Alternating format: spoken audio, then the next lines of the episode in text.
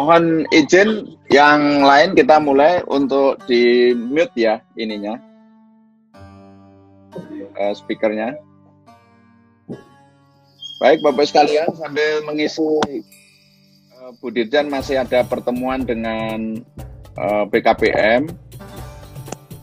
Uh, kami Kalimun, nomor ya. 6 atau nomor 2? Nomor 6 atau nomor 2? Nomor 6 ya? Iya ya, nomor 6, nomor 6. Maaf. Iya, Pak. Ya, nomor 6.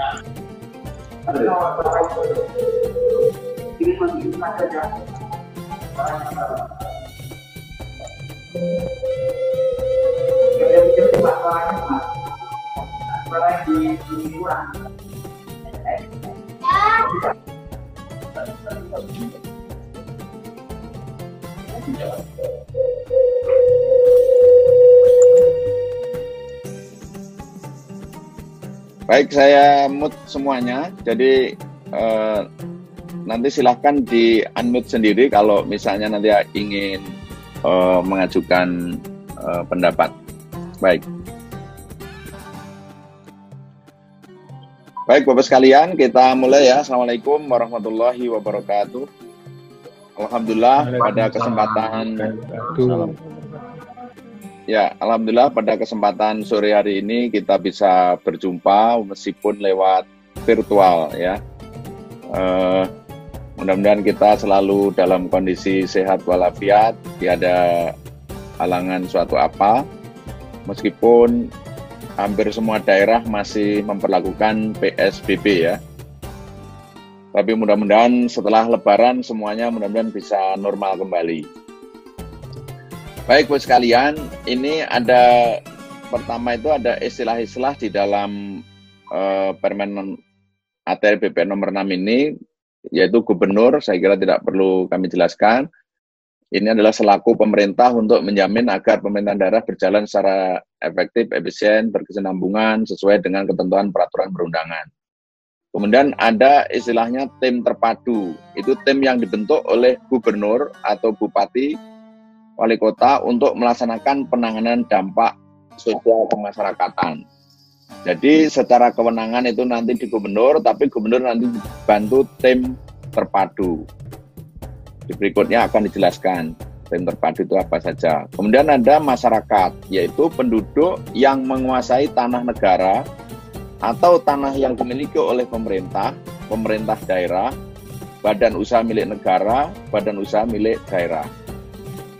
Dan istilah berikutnya ada penyediaan tanah, yaitu pengadaan tanah yang diperlukan untuk digunakan dalam melaksanakan pembangunan nasional. Dan inti dari ini adalah penanganan dampak sosial kemasyarakatan.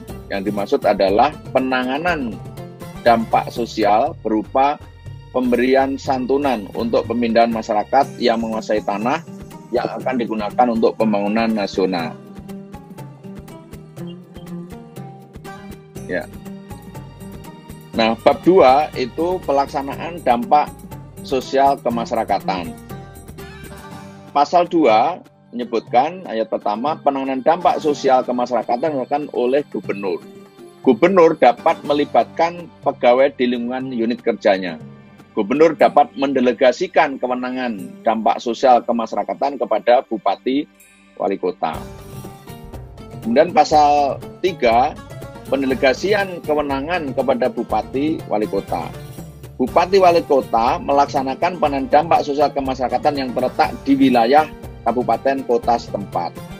Pendelegasian kewenangan dituangkan dalam bentuk keputusan gubernur, ada lampirannya, nanti bisa dilihat oleh Bapak sekalian. Kemudian keputusan pendelegasian kewenangan ditembuskan kepada instansi yang memerlukan tanah dan organisasi memilik organisasi pemerintah daerah terkait. Jadi ini yang punya hajat penanganan dampak sosialnya adalah instansi yang membutuhkan tanah, Bapak sekalian. Seperti halnya kalau misalnya eh, pengadaan tanah eh, untuk kepentingan umum. Jadi kalau misalnya eh, pengadaan tanah itu kan inisiatif juga datang dari instansi yang membutuhkan tanah. Kemudian format keputusan pendelegasian kewenangan tercantum dalam lampiran. Nanti ada lampirannya. Kemudian gubernur melaporkan pendelegasikan kepada Menteri Agraria dan ATR BPN. Nah, bagian kedua, gubernur atau bupati wali kota yang melaksanakan penanganan dampak sosial kemasyarakatan membentuk tim terpadu. Ini adalah susunan anggota tim terpadu, yaitu Sekda Provinsi sebagai ketua, pejabat yang membidangi urusan pengadaan tanah di lingkungan kantor wilayah Badan Pertanahan Nasional, kemudian pejabat perangkat daerah provinsi atau kota yang membidangi urusan pertanahan. Kemudian pejabat pada kantor pertanahan setempat, ya pada lokasi penanganan dampak sosial. Kemudian pejabat Badan Pengawasan Keuangan dan Pembangunan, jadi BPKP dilibatkan ini. Kemudian camat dan lurah atau kepala desa setempat. Kemudian pihak terkait lainnya apabila diperlukan, mungkin ada tokoh dan sebagainya. Berikutnya, penanganan dampak sosial kemasyarakatan dilakukan oleh bupati atau wali kota tim terpadu dibantu oleh Sekretariat Penanganan Dampak Sosial Kemasyarakatan. Jadi nanti ada istilahnya tuh boleh ini dibantu oleh sekretariat terdiri dari empat orang paling banyak. Kemudian anggota Sekretariat Penanganan Dampak Sosial itu siapa? Nah ini eh, nanti sesuai dengan eh, apa pilihan lah dari Bupati Wali Kota. Nah tugasnya adalah menyiapkan administrasi penanganan dampak sosial kemasyarakatan yang meliputi aspek keuangan, administrasi, dan pendokumentasian. Jadi kan uangnya nanti dari instansi yang untukkan eh, yang punya yang punya tanah ya, yang ingin dibersihkan dari dampak sosial itu. Nah ini maka perlu ada sekali yang membantu mengadministrasikan ini gitu. Kemudian pasal 5 itu gubernur atau wali kota Bupati Wali Kota menetapkan susunan keanggotaan tim terpadu dan sekretariat untuk setiap kegiatan penanganan dampak sosial kemasyarakatan. Susunan keanggotaan tim terpadu dan sekretariat ditetapkan dalam bentuk keputusan sebagaimana tercantum dalam lampiran 2. Itu adalah bab 2. Kemudian bab 3, tahapan pelaksanaan penanganan dampak sosial kemasyarakatan. Nah, penanganan dampak sosial kemasyarakatan dilakukan melalui tahapan persiapan, kemudian pendataan atau verifikasi dan evaluasi, penetapan nilai, pemberian santunan atau relokasi, penitipan uang santunan, pendokumentasian, dan pengadministrasian. Jadi Bapak sekalian kalau melihat tahapan ini mirip-mirip lah, mirip-mirip pengadaan tanah itu. Jadi polanya di itu, di ada persiapan, didata, diverifikasi, divalidasi, kalau udah valid baru penetapan nilai. Penetapan nilainya artinya sebelumnya juga nanti ada tim penilai yang ditunjuk ya, yang dipilih, yang memilih sama dari instansi yang uh, mem membutuhkan tanah. Apa yang memiliki tanah, ya. Oke. Kemudian uh, nanti setelah nilai yang ditetapkan baru pemberian santunan diberi santunan atau relokasi gitu pilihannya nanti.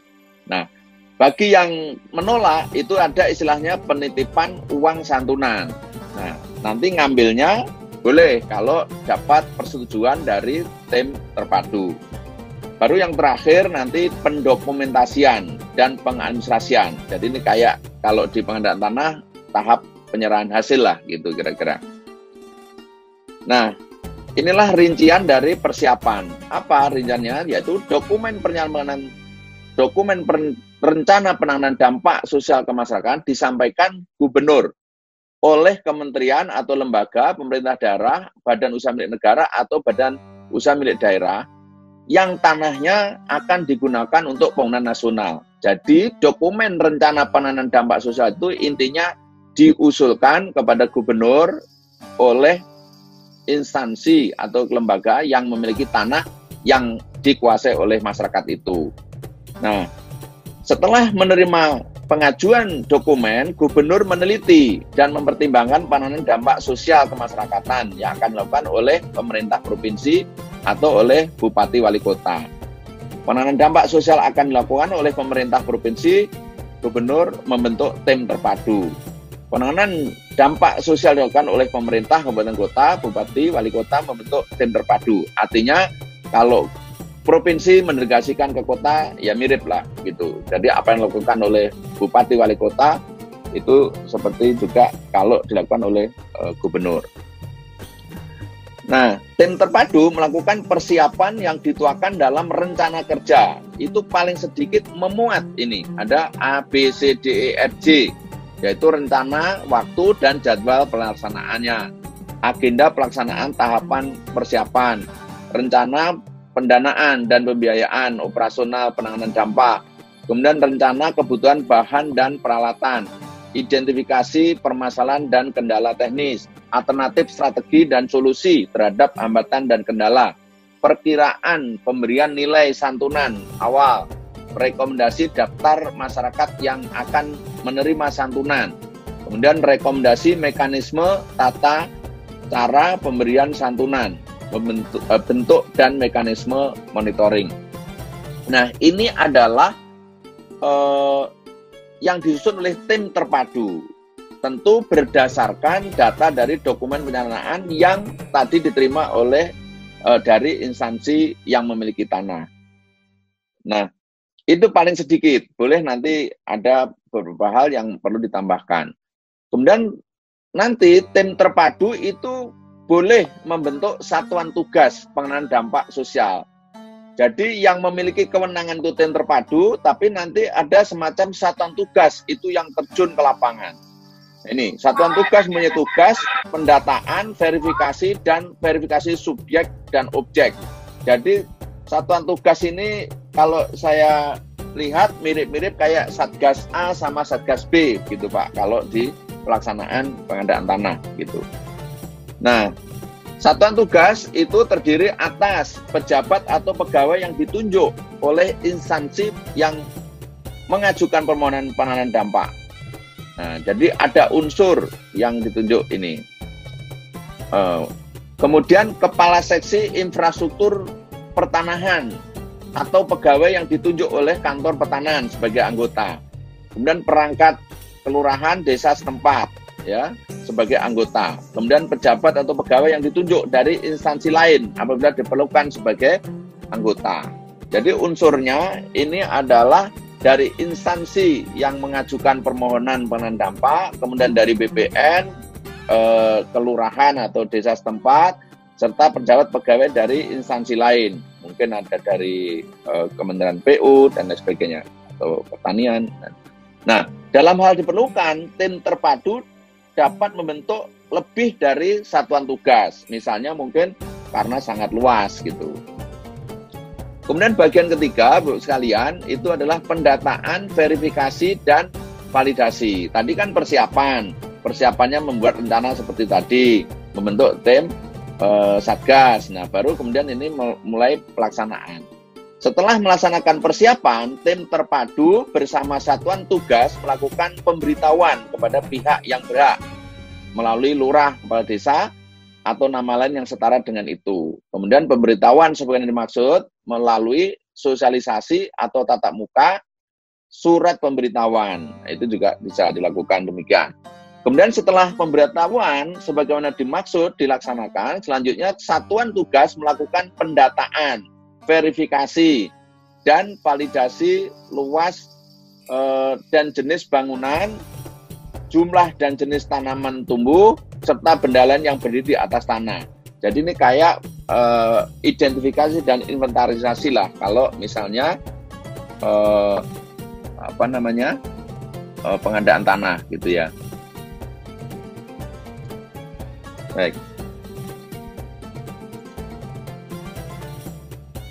Kemudian pasal 11 uh, Satuan tugas itu setidaknya mengumpulkan data paling sedikit ini. Nama dari pihak yang menguasai tanah tersebut, kemudian pekerjaannya, alamat pihak yang menguasai, menggarap atau menyewa dari tanah tersebut, kemudian nomor induk kependudukan atau identitas diri ya, mungkin SIM dan sebagainya kalau nggak ada KTP, kemudian bukti penguasaan ya, lama penguasaan, bangunan, tanaman dan atau benda yang berdiri di atas tanah.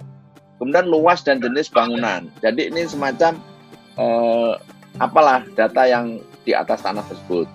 Kemudian hasil pengumpulan data sebagai dimaksud ayat 1 kemudian diverifikasi dan divalidasi berdasarkan kriteria sebagai berikut.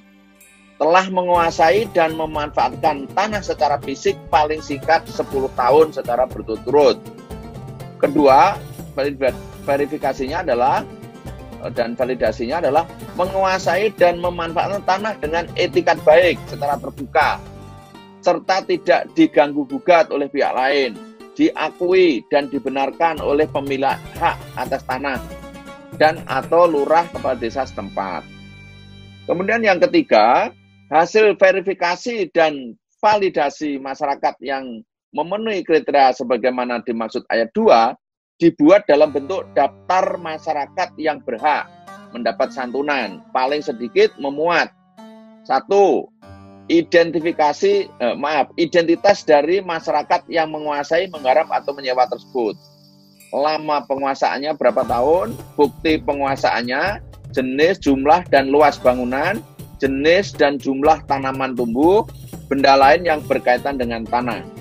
Nah, itu adalah eh, daftar ya, daftar yang dimuat setelah dari verifikasi dan validasi tadi.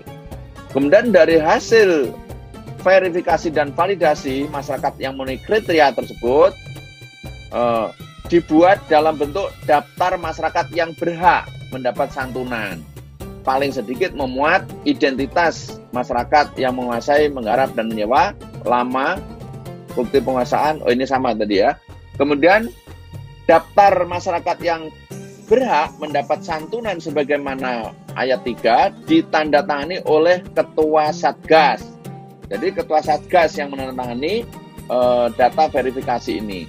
Kemudian daftar masyarakat yang berhak mendapat santunan sebagaimana dimaksud ayat 3 di, dibuat sesuai format. Jadi ada format pada lampiran 3 yang merupakan bagian yang tidak terpisahkan dari peraturan menteri ini.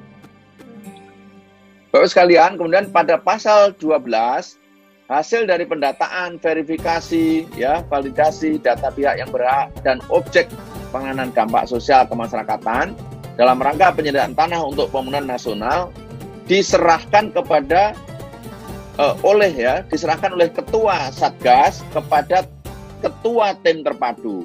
Jadi tadi kan dilakukan oleh ketua Satgas atau Satgas dan anggotanya itu ditandatangani lalu diserahkan kepada ketua tim terpadu dengan berita acara penyerahan. Hasil pendataan, verifikasi, dan validasi sebagaimana dimaksud ayat 1 diumumkan di kantor kelurahan desa atau desa ya, atau nama lain yang setara dengan itu, kantor kecamatan atau nama lain yang setara dengan itu, dan lokasi pembangunan dalam waktu paling lama tujuh hari.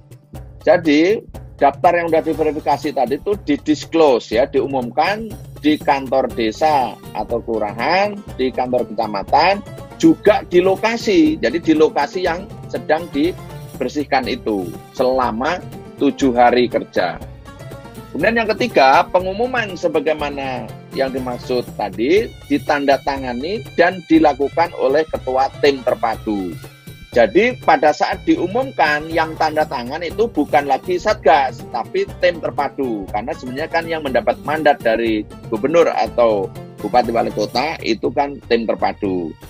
Kalau tim satgas sebenarnya adalah semacam pelaksana lapangannya gitu. Kemudian pengumuman sebagaimana dimaksud ayat 2 dibuat sesuai format yang tercantum dalam lampiran 4 dari peraturan ini. Pasal 13. Apabila terdapat pihak yang keberatan atas hasil pendataan, verifikasi, dan validasi dimaksud tadi, maka pihak yang bersangkutan dapat mengajukan keberatan kepada ketua tim terpadu jadi mengajukan keberatannya bukan kepada Satgas, tapi kepada tim terpadu dalam tenggang waktu tujuh hari terhitung sejak hasil pendataan, verifikasi, dan validasi diumumkan. Nah ini mungkin harus hati-hati, harus diumumkan dengan jelas karena tenggang waktunya hanya tujuh hari untuk melakukan keberatan setelah tanggal diumumkan.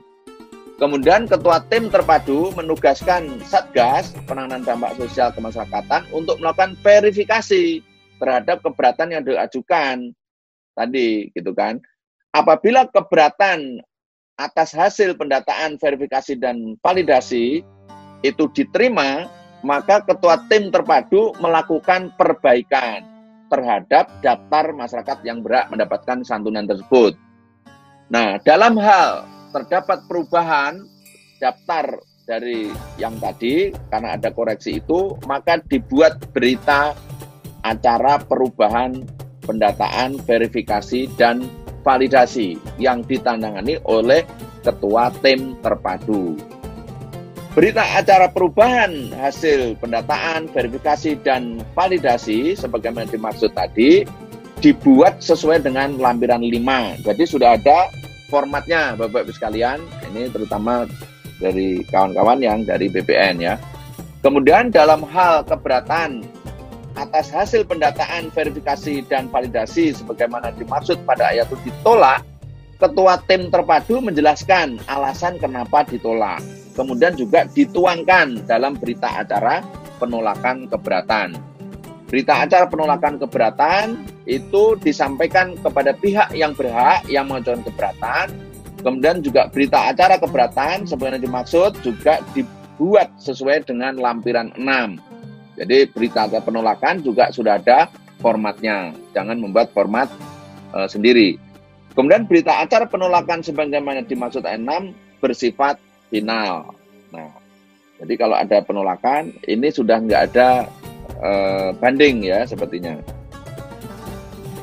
Kemudian eh, pasal 14 hasil pendataan, verifikasi dan validasi yang telah diumumkan tidak ada keberatan dari pihak yang berhak sebagaimana dimaksud ayat 12 atas perubahan hasil pendataan verifikasi ini sebagaimana dimaksud dalam 13 menjadi dasar penentuan pemberian santunan. Artinya kalau hasil pendataan, verifikasi, dan validasi sudah diumumkan tidak ada keberatan, itu e, menjadi e, dasar ya penentuan pemberian santunan. Kemudian bagian keempat, menurut sekalian, keempat adalah penetapan penilai. Instansi yang memiliki tanah mengusulkan penilai untuk menghitung besaran nilai besaran sesuai eh, maaf untuk menilai besaran nilai santunan sesuai dengan ketentuan peraturan perundangan. Jadi ini seperti halnya pengadaan tanah, yang menilai itu yang menentukan atau yang mengusulkan adalah e, instansi yang memiliki tanah. Kemudian ketua tim terpadu menetapkan penilai berdasarkan usulan dari instansi yang memiliki tanah. Tetapi yang menetapkan itu adalah sama ya kayak pelaksanaan pengadaan tanah adalah ketua tim terpadu. Kalau yang mengusulkan tim penilainya adalah dari instansi. Jadi yang menenderkan itu adalah instansi yang memiliki tanah, tapi kemudian nanti yang menetapkan adalah ketua tim terpadu. Pasal 16, dalam melakukan tugasnya, penilai meminta daftar masyarakat yang berhak mendapatkan santunan. Jadi kayak semacam meminta daftarnya lah. Kalau pelaksanaan kan daftar nominatif gitu ya kalian ya. Kemudian penyerahan daftar sebagaimana dimaksud ayat 1 dibuat berita acara dalam e, penyerahan daftar masyarakat. Pasal 17, penilai bertugas melakukan penilaian besaran santunan meliputi biaya pembersihan segala sesuatu yang berada di atas tanah.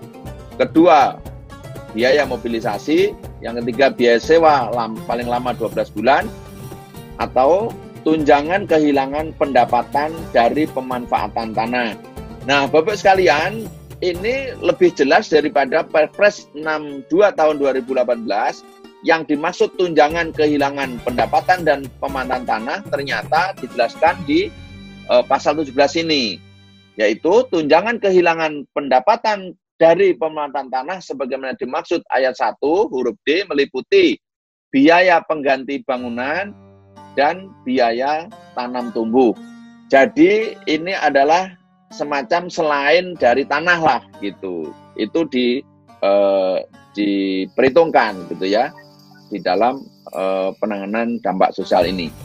Kemudian besarnya nilai santunan berdasarkan hasil penilai oleh penilai, penilaian dari penilai sebagaimana ayat 1 oleh penilai disampaikan kepada ketua tim terpadu dengan berita acara penyerahan hasil penilaian. Berita acara hasil penilaian ini juga sudah ada formatnya yaitu di lampiran 7. Pasal 18. Hasil penilaian sebagaimana pasal 17 itu dijadikan dasar untuk mengajukan rekomendasi besaran nilai santunan dan mekanisme tata cara penilaian uh, pemberian santunan. Kemudian pasal 19, tim terpadu menyusun rekomendasi pengenaan dampak sosial kemasyarakatan. Rekomendasi penanganan dampak sosial kemasyarakatan paling sedikit memuat A. Daftar masyarakat yang berhak untuk mendapatkan uang santunan. Kemudian B. Besaran nilai santunan. Ya, tentu mengacu dari hasil e, penilaian tadi. Kemudian yang ketiga, mekanisme dan tata cara pemberian santunan. Nah, apakah nanti cash, apakah dengan transfer, dan sebagainya. Kemudian pas ayat 3, rekomendasi pengenaan dampak sosial kemasyarakatan pada ayat 2 ini tadi disampaikan kepada gubernur, bupati, atau wali kota paling lama 14 hari hari kerja sejak menerima hasil penilaian. Jadi, clue-nya adalah setelah menerima dengan berita acara hasil penilaian, eh, tim terpadu memiliki waktu selama 14 hari untuk menyampaikan kepada gubernur. Pasal 20, berdasarkan rekomendasi tim terpadu, gubernur atau bupati atau wali kota menetapkan daftar masyarakat penerima santunan. Nih, nih, nih, nih, yang berat ya. Kemudian besaran nilainya sekian, sekian, sekian. Mekanismenya gimana? Apa cash, apa transfer, gitu kan. Kemudian gubernur, bupati, wali kota menerbitkan keputusan sebagaimana ayat 1 tersebut paling lambat tujuh hari kerja, gitu kan, setelah menerima dari uh, tim terpadu. Bagian kelima, pemberian santunan atau relokasi. Jadi Bapak sekalian, penanganan dari dampak sosial ini ada dua ini, pemberian santunan atau direlokasi. Itu berdasarkan penetapan gubernur, bupati, wali kota, instansi yang memiliki tanah melaksanakan pemberian santunan kepada masyarakat.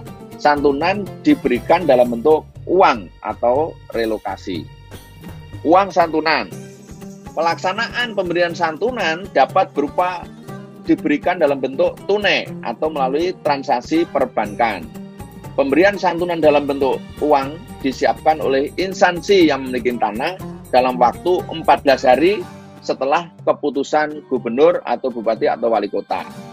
Pelaksanaan pemberian santunan dibantu oleh tim terpadu dan didukung oleh aparat keamanan apabila diperlukan uang santunan. Pemberian uang santunan dibuktikan dengan kwitansi bermetre, ya. Bermetre cukup, ya, biasanya 6.000 kan. Kemudian e, dibuat rangkap tiga. Pelaksanaan pemberian santunan didokumentasikan dengan foto, video, atau sarana lainnya. Relokasi.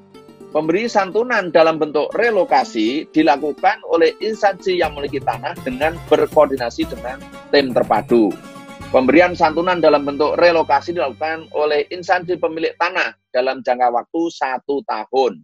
Jadi sama kayak uh, di Undang-Undang Nomor 2 ya, Perpres 71. Kemudian pemberian santunan dalam bentuk relokasi dibuat berita acara penyerahan santunan dalam bentuk relokasi. Bab ke-6. Uh, bagian ke-6 maksud saya. Nah, penitipan uang santunan. Penitipan uang santunan dilakukan jika ya atau dalam hal A. Pihak yang berhak menolak bentuk atau besarnya uang santunan dan tidak mengajukan keberatan ke pengadilan negeri. Pihak yang berhak menolak bentuk atau besarnya uang santunan berdasarkan putusan pengadilan negeri Mahkamah Agung yang telah mempunyai kekuatan hukum. C. Pihak yang berhak tidak diketahui keberadaannya. D. Dalam hal pihak yang berhak telah diundang secara patut, tidak hadir dan tidak memberikan puasa. Kemudian E. Objek pengenaan dampak sosial kemasyarakatan yang akan memberikan uang santunan sedang menjadi objek perkara di pengadilan, dipersengketakan oleh pemilikannya diletakkan sita oleh pejabat yang berwenang.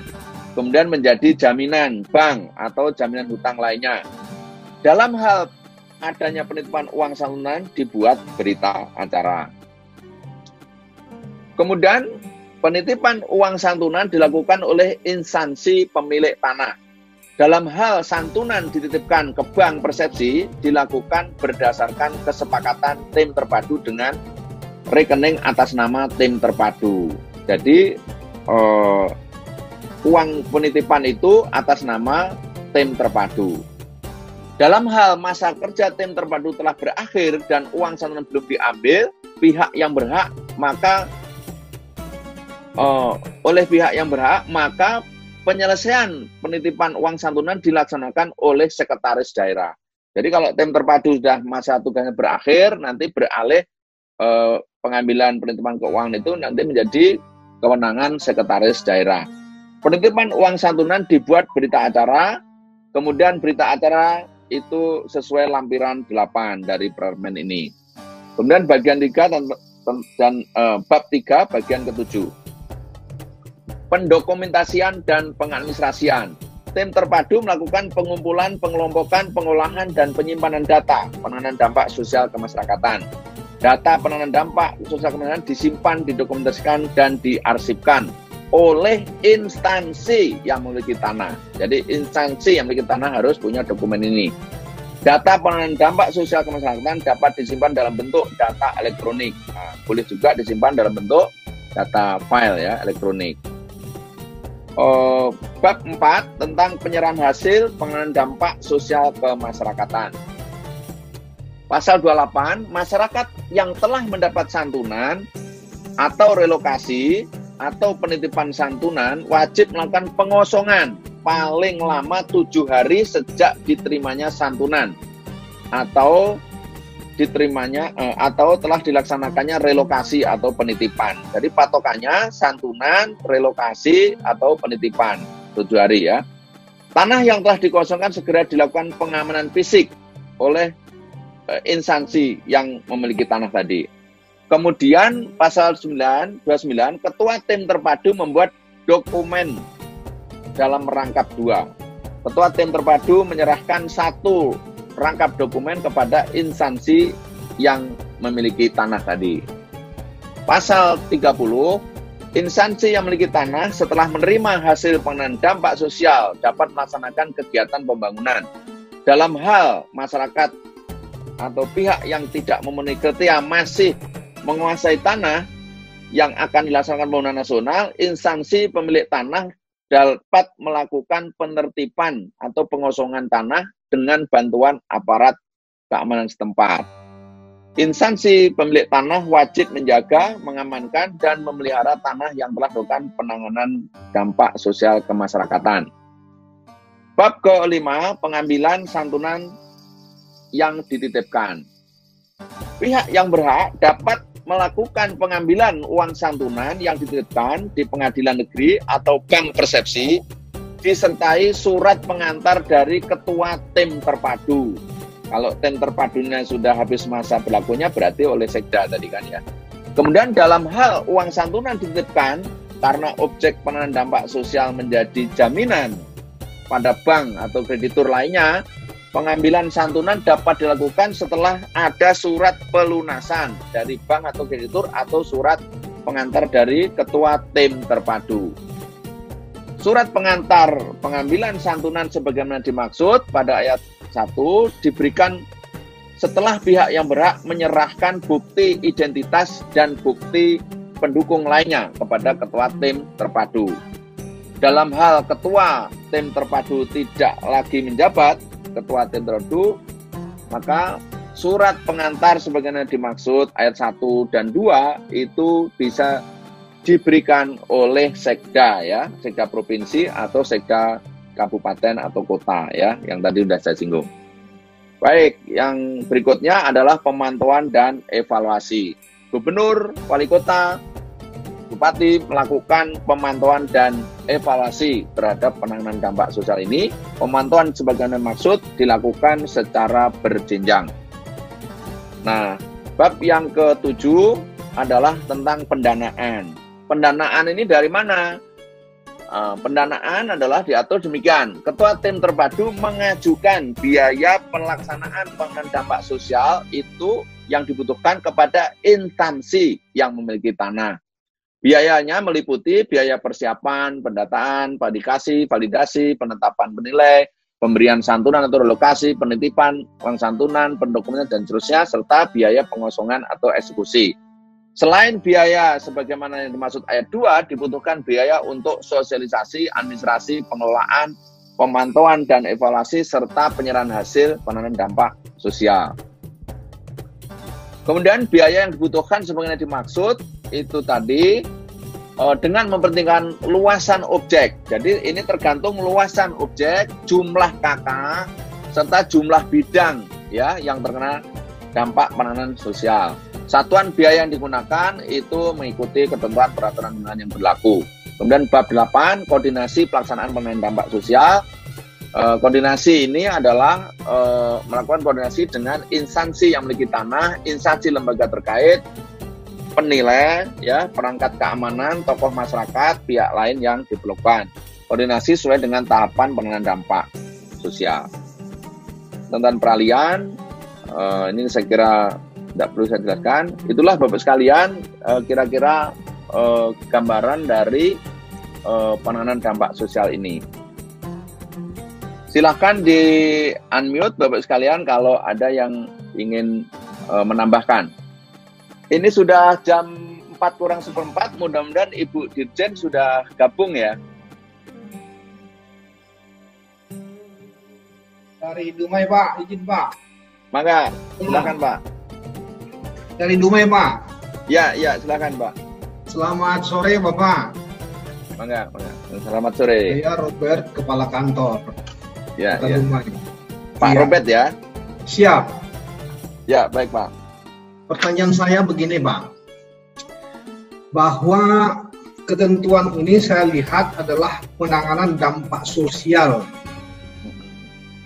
dampak sosial kemasyarakatan dalam rangka penyediaan tanah. Nah, di perpresnya saya lihat perpres 62 tahun 2018 ini disebutkan dia tentang yang pertama itikat baik di menimbang bagian B. Itikat baik. Yang kedua, dijelaskan juga di pasal 3 bahwa tanah sebagaimana dimaksud di ayat 1 merupakan tanah negara atau tanah yang dimiliki oleh pemerintah, pemerintah daerah, badan usaha negara, atau badan usaha milik daerah. Artinya, ini tanah sudah milik pemerintah atau BUMN atau uh, uh, atau badan usaha milik, milik daerah. Pertanyaannya Pak, penguasaan itikat baik yang seperti apakah yang dimaksud di sini ini? Nah, apakah mungkin seperti eh, bahwa dia telah menguasai tanah tersebut dalam 10 tahun sewa? Apakah kira-kira seperti itu? Nah, ini yang mau saya tanyakan. Yang pertama Pak, yang kedua Pak ya, sekaligus Pak ya. Ya. Yang kedua bahwa saat ini sedang dibangun jalan tol Pekanbaru Dumai. Nah, di kami sekarang di Dumai di STA 00 ini sedang ada uh, sedikit uh, permasalahan-permasalahan di mana masyarakat mengadukan kepada kami mengadukan permasalahan kepada termasuk P2T dalam hal di Kanwil, kemudian uh, uh, uh, wali kota. Masalahnya. Selamat sore. Selamat sore. Alhamdulillah. Pak Pak Robert, mohon izin kita pending ya. Nanti kita langsung dengan Ibu. Ini mohon izin Ibu. Tadi kami sambil nunggu anu Ibu Rawuh kami mulai membahas uh, ini Bu, Permen nomor 6 tahun 2020. Ya. Kebetulan uh, saya sudah sempat menyiapkan PowerPoint-nya jadi untuk mengisi waktu sebelum Ibu gabung tadi. Ya. Baik, silakan Pak kalau begitu Pak. Ya, mohon izin Pak Robert ya, nanti kita lanjut. Silakan. Ya, ya.